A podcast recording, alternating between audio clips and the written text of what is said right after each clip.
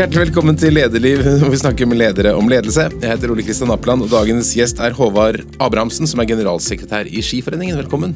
Tusen takk. Det er ikke alle som kjenner, kjenner Skiforeningen, for du dekker ikke hele landet, men alle, som, alle i Oslo kjenner Skiforeningen. Men for de som ikke lytter fra Oslo, hva er Skiforeningen?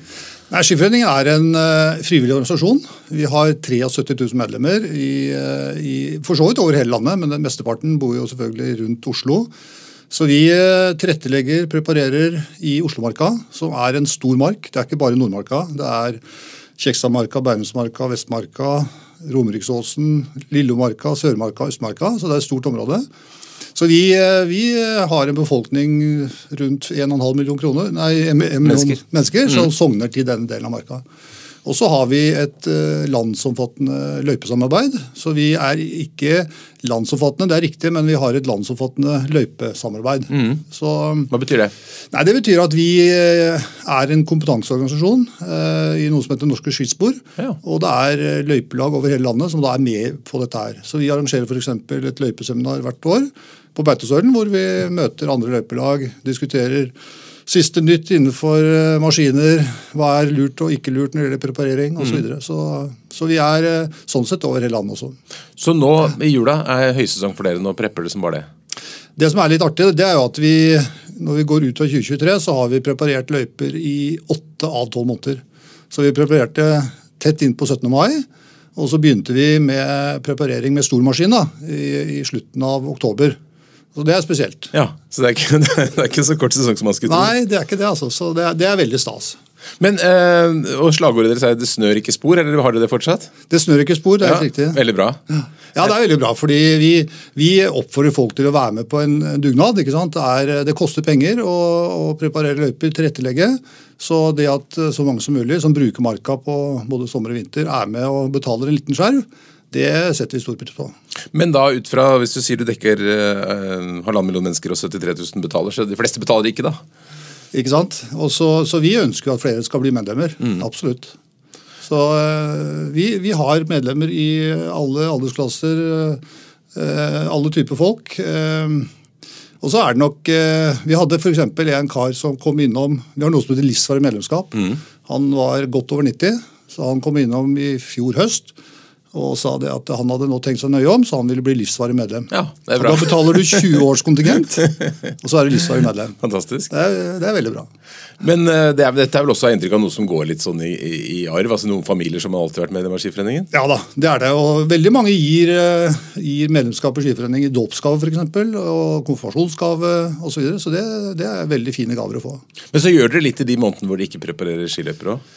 Absolutt. Vi, veldig mye av arbeidet med løypene skjer på, på sommer, altså grønn sesong, da, som vi mm. kaller det. ikke sant? Eh, hvor vi tilrettelegger, eh, hogger litt, eh, prøver, liksom, drenerer, bygger broer, klopper eh, osv. Så sånn at det er mest mulig klart til vinteren. Mm.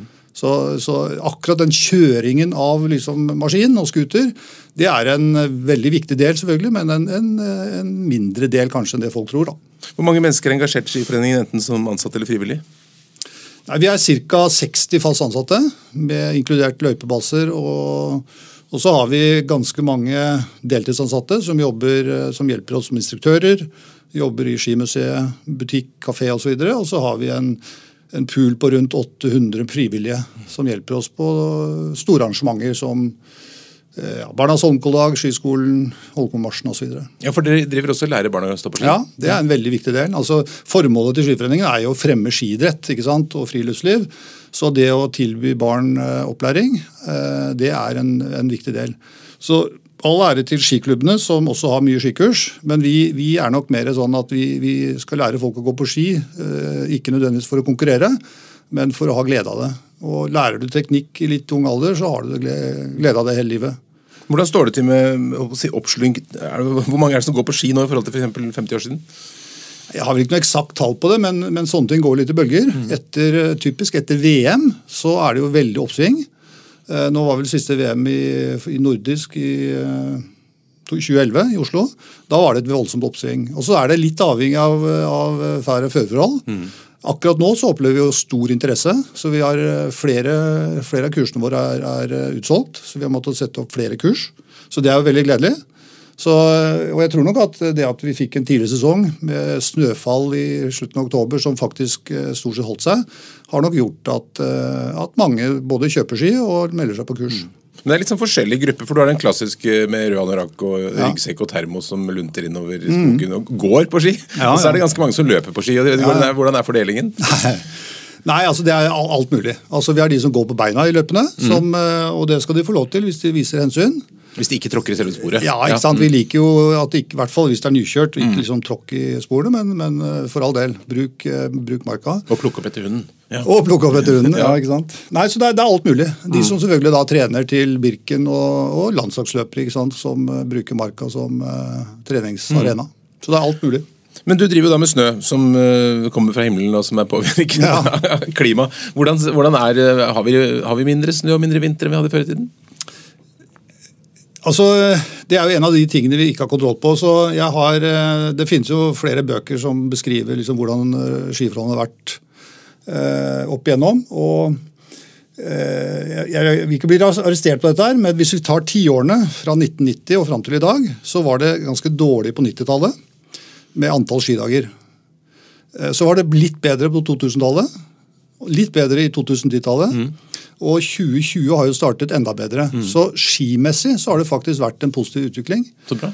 Og det har nok sammenheng med at vi eh, produserer eh, kunstsnø. Mm. Eh, vi er blitt flinkere til å tilrettelegge og lage løypene bedre, slik at de trenger mindre snø. Vi er blitt flinkere til å preparere. Eh, vi har is i magen. i forhold til Når det kommer snø, så lar vi det gjerne få lov å synke litt før vi liksom kjører. Så, så vi lærer stadig vekk litt mer, og det gjør at vi også tar vare på snøen bedre og kan tilby bedre spor over en lengre periode.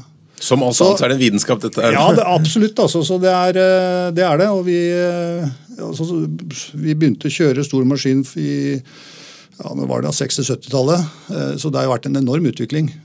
Så så hvis det her er en del av klimaendringen, at vi kan få mer snø, så er jo det i hvert fall en positiv effekt. og fjoråret var jo veldig bra. Ja, så bra. Ja. Håper alle kommer seg ut. Ja. Eh, er det en attraktiv jobb å kjøre løyper? Veldig. Det er, eh, det er, eh, altså Når vi lyser ut stilling til løypebasser, det er ikke veldig ofte vi gjør det, så er det jo stor, veldig stor interesse. Mm -hmm. eh, mange ser nok på det som en litt sånn romantisk jobb, men det er en knallhard jobb. Eh, det er eh, tidlig opp, det er mye helge- og nattejobbing. Når starter det om morgenen? Nei, det avhenger litt av snøfall og sånn, men eh, noen av basene som har lange strekk de kjører, er jo oppe i ett-to-tida og kjører, ja. og ferdig kanskje sånn åtte-ni. Så um, lengste strekket er en sånn 13-timerstur. Wow. Så det er, det er, en tøff jobb, altså. Ja, det er lang kjøretur. Og så er det et litt sånn ensomt yrke. De, de, de kjører aleine stort sett uh, hele tiden, ikke sant. Og, treffer kanskje noe elg? Treffer mye elg. og Nei, Det er mye rart jeg opplever. Mm. Folk som overnatter i skisporet og lar teltet snø igjen. ikke sant? Og det er ikke så lurt. Bråstopper før de liksom eh, kjører over teltet og sånn. Så det har skjedd et par ganger. La oss advare mot det. Ikke sov i teltet. ikke sov i sporet. Nei. Det er jo ikke bra i det hele tatt. Men det har gått bra, håper jeg. Det har ikke kjørt over noen. Nei, jeg tror det har gått bra. Ja. Men vi har, vi har fantastiske løypepasser altså, som mm. er uh, virkelig genuint opptatt av å skape gode spor, og slik at folk uh, får gode opplevelser. Mm.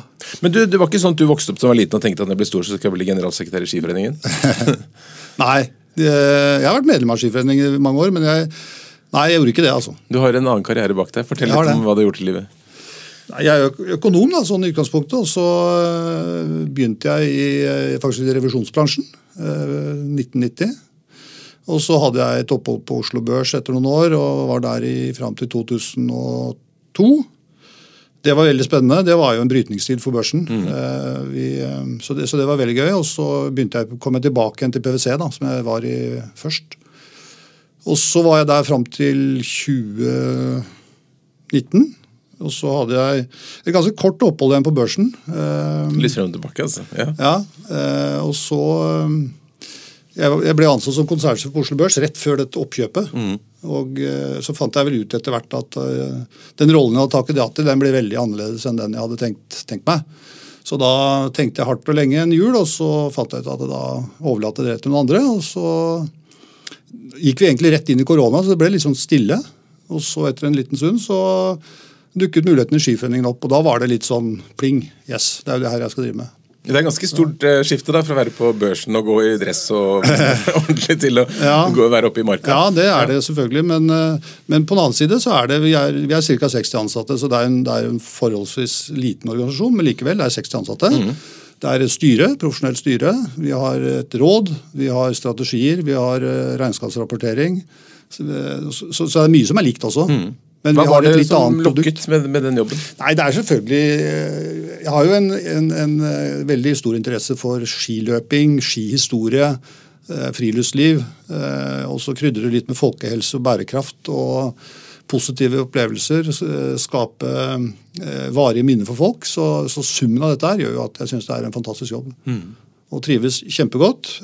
Fantastiske kolleger som, som er genuint opptatt av det samme. Så, så det, er, det, er, veldig stas. Hva er de største forskjellene mellom å jobbe i, i næringslivet og jobbe i en sånn organisasjon? Nei, det er nok, eh, det er nok kanskje dette resultatjaget. Altså vi, vi skal en, en, ha en sunn økonomi, men vi har jo ikke noe formål om å tjene penger. Eh, så det er en, det er en ganske stor forskjell. Så, så vi, vi, vi, må trygge økonomien gjennom medlemskontingenter og, og andre inntekter. Eh, og det er, det er, viktig nok, men vi har ikke noen eiere som krever avkastning. Eh, så våre eiere er 73 000 medlemmer, som, som vi skal serve så godt vi kan. Men eh, de skal ikke ha noe utbytte fra mm. oss. Så du kan fokusere litt annerledes? Ja, jeg kan det. Mm. Ja. Men du har da utviklet en, en, slags lederstil gjennom disse årene i PwC på børsen. Sånn. Hvordan, liksom, har du noen sånn tydelige lederprinsipper? Hvordan jeg vil du være som leder? Jeg har veldig tillit til de jeg jobber med. Uh, og det er liksom sånn uh, de, jeg, Når jeg kommer et sted, så har jeg tillit til folk uten at jeg nødvendigvis kjenner dem. Jeg tenker at uh, de som er der, det er bra folk. og så hender det jo selvfølgelig at det ikke stemmer. Men, men, utgangspunktet er jo at jeg har en veldig, veldig tro på folk. at de er, gjør det de skal, at de gjør så godt de kan. så, skal ting, så skal det veiledes osv. Men, men utgangspunkt utgangspunktet har jeg veldig tro på folk. da. Så det er, et, eh, er nok et sånn liksom bærende prinsipp for meg. Mm. At uh, de må, det må bevises hvis ikke jeg skal ha tillit, og ikke motsatt. Ellers er jeg opptatt av at uh, jeg er ikke noen sånn micromanagement-type. Jeg gir nok ganske stor grad av frihet til folk mm. til å løse ting på sin, sin, måte. Opptatt av at folk skal samarbeide og bruke tid eh, de stedene jeg har vært for å få det til å fungere. Det er ikke alltid så enkelt. Men, eh, men eh, så, så, samarbeid, gjøre, løse ting sammen, er nok også et sånn liksom bærende prinsipp for meg. Mm. Mm. Det er sånn som alle ønsker å være. da, og si, ja, Vi gir masse stort ansvar, så kan folk løse ting. Men så opplever man noen ganger at det ikke blir helt sånn som man hadde ja, tenkt. Det, så, som en erfaren leder, Hvordan håndterer man det best? Nei, altså Da må man jo snakke med folk. da. Det, det, verste man gjør, er vel kanskje bare håpe at det går over. Mm. Eh, så, så, man må ta tak i det og sette seg ned, prate sammen og prøve å forstå hvorfor det er slik. Og Veldig ofte så er det jo eh, er det jo mer komplekse årsaker til at ting ikke fungerer, enn det man kanskje sånn i utgangspunktet ser. Mm. Så det å liksom klare å, å, å, bruke nok tid til å forstå det ordentlig, tror jeg er eh, kjempeviktig. Ikke hoppe på første Nei, det, det blir ofte gærent. altså. Mm. Så, så, jeg tror det å liksom lytte, forstå, og så kan det noen ganger eh, være slik at man må gjøre noen, noen ordentlige grep. Eh, men da skal det være liksom basert på et ordentlig faktum. Mm. Mm. Er det noen spesielle hendelser og opplevelser gjennom lederlivet ditt som du tenker har formet deg særlig som leder? Ja, jeg, jeg tror nok at uh, det som kanskje har preget meg aller mest, var nok uh, at jeg jeg, var jo i, jeg tok jo befalsskolen etter videregående, og så dro jeg til Nord-Norge. Uh, i Harstad. Eh, og så skulle vi på vinterøvelse, og så gikk det et stort ras i Vassdalen. Ja. Eh, det var jo den største ulykken etter krigen for norske forsvaret. 16 soldater døde. Så da var jeg inne i området og lette. Jeg var ikke selv en del av de som ble tatt, men jeg kom veldig tidlig inn, og faktisk først inn i rasområdet sammen med to andre. Eh, men det som gjorde inntrykk på meg, det var nok Arne Pran, som var brigadesjef. Mm. Som Eh, sto frem og tok ansvar for det som hadde skjedd. Han viste en, en enorm eh, omsorg for pårørende. Reiste rundt, besøkte dem. Eh, det var ikke så veldig mange andre i Forsvaret som gjorde det. Så det husker jeg fortsatt. Det gjorde et enormt inntrykk på meg.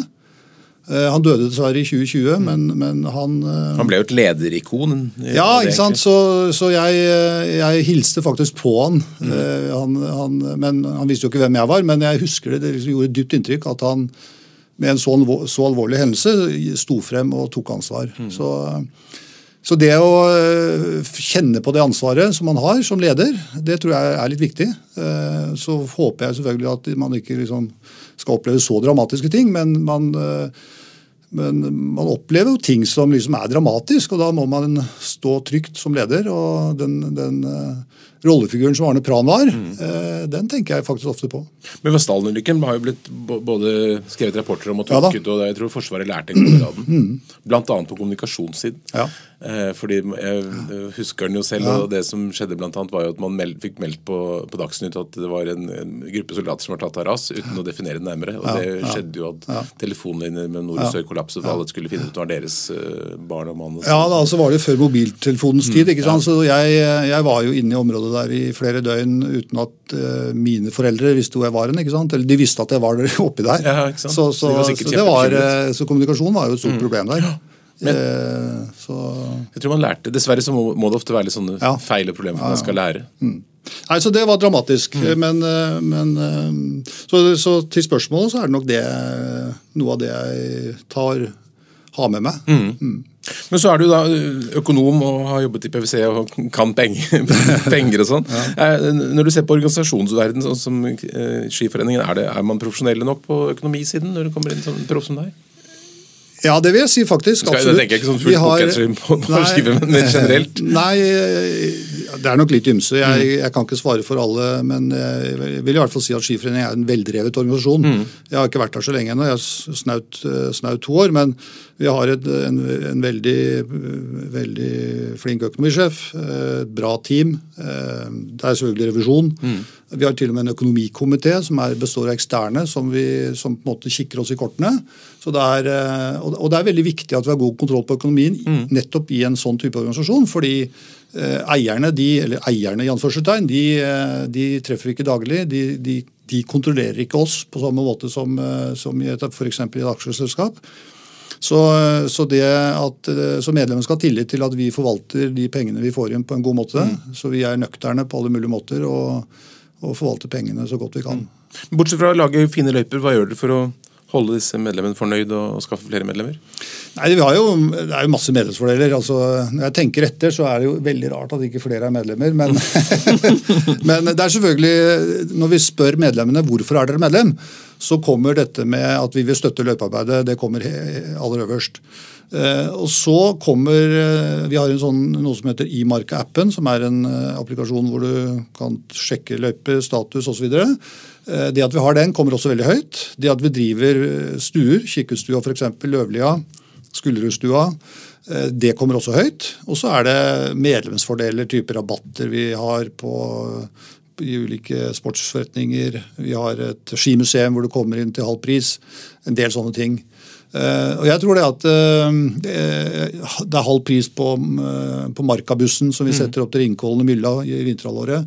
Så summen av dette her gjør jo at hvis du liksom er litt aktiv, litt ute, så sparer du veldig fort inn de, den kontingenten. Mm. Så, så, det er et rikt tilbud til medlemmene. Selger dere fortsatt sånne rån og rakker? Ja, ja. Absolutt. så det må man ha. Eh, men dette er en veldig eh, tradisjonsrik organisasjon. Det har vært mm. Eh, holdt på lenge. Hvordan ser Skiforeningen ut fremover? Er det noen forandringer, eller er det samme spor?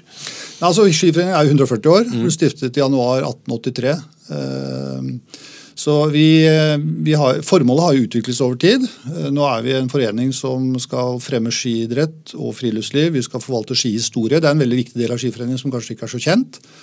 Eh, og vi skal, eh, vi skal, eh, arrangere kurs og arrangere skirenn. Det er formålet vårt. apropos skimuseet. altså Vi har nå bygget for nesten 100 millioner kroner nytt skimuseum oppe i Holmenkollen. Det er under hoppet? under hoppet, ja. ja. Mm. Så det å forvalte og ta vare på norsk ski- og polarhistorie er kjempeviktig. Og Det er et samfunnsansvar som vi tar veldig på alvor. Og, og Nå har vi fått tak i Staven til Brå, til mm. som står utstilt der oppe. Det er en attraksjon. Det er en attraksjon, ja. absolutt. Så, så, Som brakk i 1982, var det det? Ja. ja. Staff under stafetten i mm. 82. Mm. Ja. Nei, så, så, Hvis man ser tidslinjen fra 1883 og frem til i dag, så har det jo skjedd enormt mye. Hva som skjer fremover, det får tiden vise, men vi, noe av det som skal skje, er at vi skal bygge en ny stor markastue ved Trantjern ved Mylla. Det blir et stort prosjekt for, for oss. Løypemaskinene kommer til å utvikle seg fremover. På et eller annet tidspunkt så blir de elektriske. Det er de ikke i dag. Så Nei, det blir spennende. Det som jeg er mest usikker på, er jo liksom hvordan, hvordan blir snøforholdene. Mm. For det har vi dessverre liten kontroll på. Så Derfor så er den der jobben vi gjør på sommeren med å tilrettelegge, gjøre det liksom så bra som mulig, det er veldig viktig. Er folk stort sett blir fornøyd, eller blir klaging hvis ikke løypene er bra? Nei, Jeg opplever at folk stort sett er veldig fornøyd. Og så er det selvfølgelig eh, som alltid noen som skulle ønske at det var så og slik. Og hvorfor er ikke den løypa preparert i år, og hvorfor er den veien brøyta? Mm. Sånne spørsmål får vi hele tiden. Um, og det vi føler at vi gir gode svar på. Mm. Det er eh, et samlet løypenett i Oslomarka på 2200 km, så det er nok av eh, løyper å gå i. Men så er det nok litt sånn at folk føler at ja, favorittløypa mi den må jeg liksom alltid gå. og det, det, er jo ikke alltid at den blir, eh, blir Men så, Det er ikke bare dere som kjører, det er noen andre som kjører? er det det? Ja da, det er det. Mm. Så Oslo kommune kjører en god del i, i liksom sør Nordmarka syd, da, rundt Holmenkollanlegget inn til Kapellet mm. osv. Bærum kommune kjører litt. Eh, du har Mylla løpeforening. Eh, du har eh, Jevnaker kjører litt. Så det er litt forskjellig. Så vi, men vi har nok jeg vil tippe 75 mm. i Oslomarka. Mange som er i sving da, for at det skal være bra forhold. Men nå er det også, det, om et par år, så 2025 så er det friluftslivets år. Er det noe som blir stort for dere? Ja da. Vi, vi er en av 18 friluftsorganisasjoner som er med i dette som heter Norsk Friluftsliv, mm. som har fått mandatet til å til å arrangere Friluftslivets år. Eh, så det er vi med på. Hva, hva, hvordan kommer vi til å merke det året? Nei, jeg tror vi kommer til å merke det med at det er en del arrangementer rundt omkring. Eh, politikerne pleier som regel å hoppe på og snakke varmt om friluftslivet. Så jeg tror vi kommer til å merke det. Og så er jo håpet selvfølgelig at det, det fører til litt varig atferdsendring for folk. fordi I Norge bruker vi veldig mye penger på helse. Eh, det er bra, det. Men jeg tror jo hvis folk kunne brukt litt mer tid ute i skog og mark eh, for å bedre både fysisk og psykisk helse, mm. så kunne vi spart litt penger også. Så det er en veldig viktig del for ikke bare Skiforeningen, men for veldig mange av de andre organisasjonene også. Det å stimulere til mer aktivitet. Og så er jo friluftsliv også et godt vern. Altså Jo flere som blir kjent med naturen, Eh, så skjønner man at dette er noe vi må ta vare på også. Så jeg ser liksom det er bare positive effekter av det. Mm. Ja. Nå er jo vel i hvert fall en femtedel av Oslos befolkning kanskje mer har innvandrerbakgrunn. Mm. Har, de klart å, eller har dere klart å få dem ut på ski? Det er, uh, dette er nok litt sånn kulturbetinget. Uh, selvfølgelig er det noen av våre nye landsmenn som går på ski, men uh, vi skulle gjerne sett at det var veldig mange flere. Mm. Så Noe av det vi begynte med faktisk i 2008, det er at vi startet noe som heter Friluftsglede. Det er et tilbud til tredje- og fjerdeklassinger på skoler med høy minoritetsbakgrunn, altså minst 60% minoritetsbakgrunn så arrangerer vi da vår, sommer, høst og vinter noe som heter Friluftsglede. Hvor vi rett og slett tar skoleklassene ut i skogen. Vi har et opplegg på Grorud, ved, ved isdammen der. Vi har et på Trollvann, vi har et på Skullerstua. Hvor, eh, hvor, disse elevene, eller barna da, mm. får oppleve, og for veldig mange, eh, natur for første gang. Eh, hvor, hvor, de tar med seg matpakka ut, eh, lærer litt om dyr, litt om eh, vegetasjon, planter osv. Og, og det er et tiltak som jeg håper over tid gjør at vi får flere av, av disse barna som etter hvert blir større, mm. ut i marka.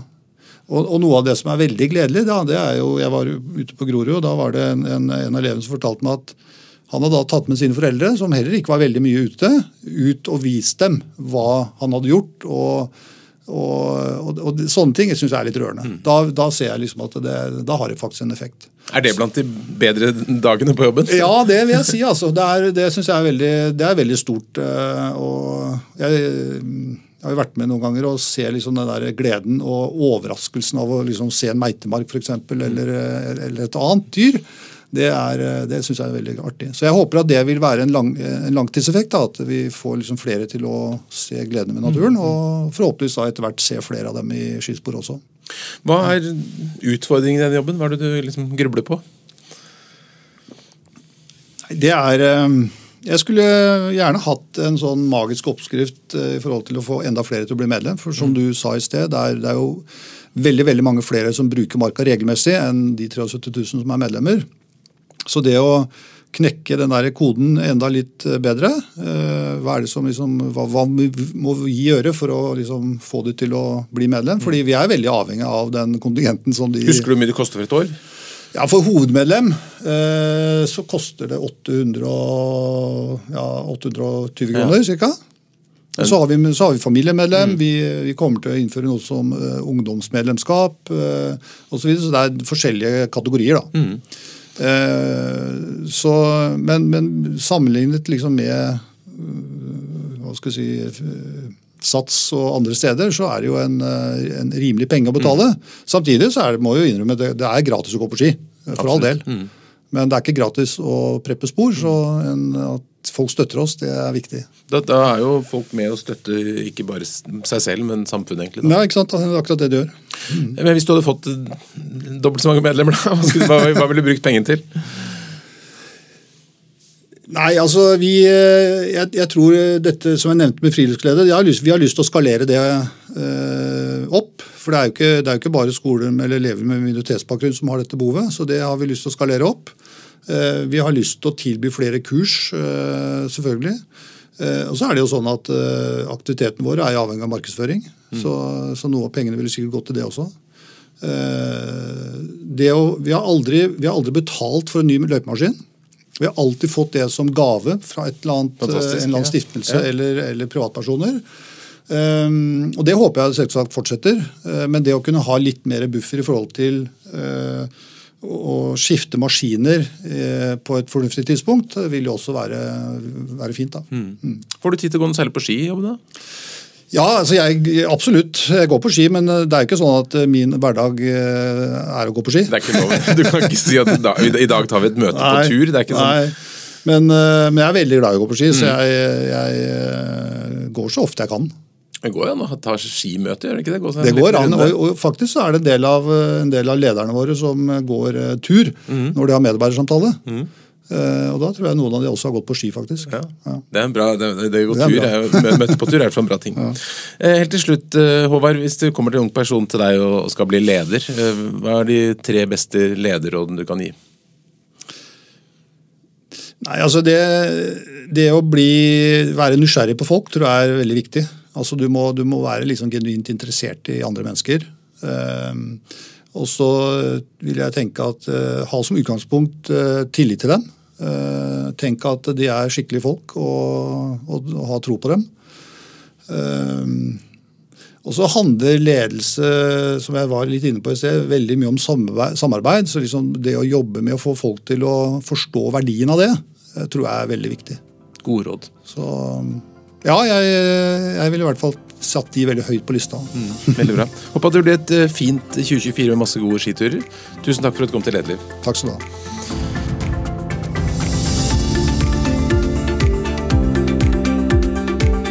Lederliv er en podkast fra Apeland. Redaksjonen består av Ingrid Hogneland, Johanne Eidsvoll, Lars Jarle Melum og meg som heter Ole Kristian Apeland. Og du er hjertelig velkommen til å sende ros, ris, tips om ledere eller hva du måtte ønske til oleatapeland.no. Takk for at du lytter.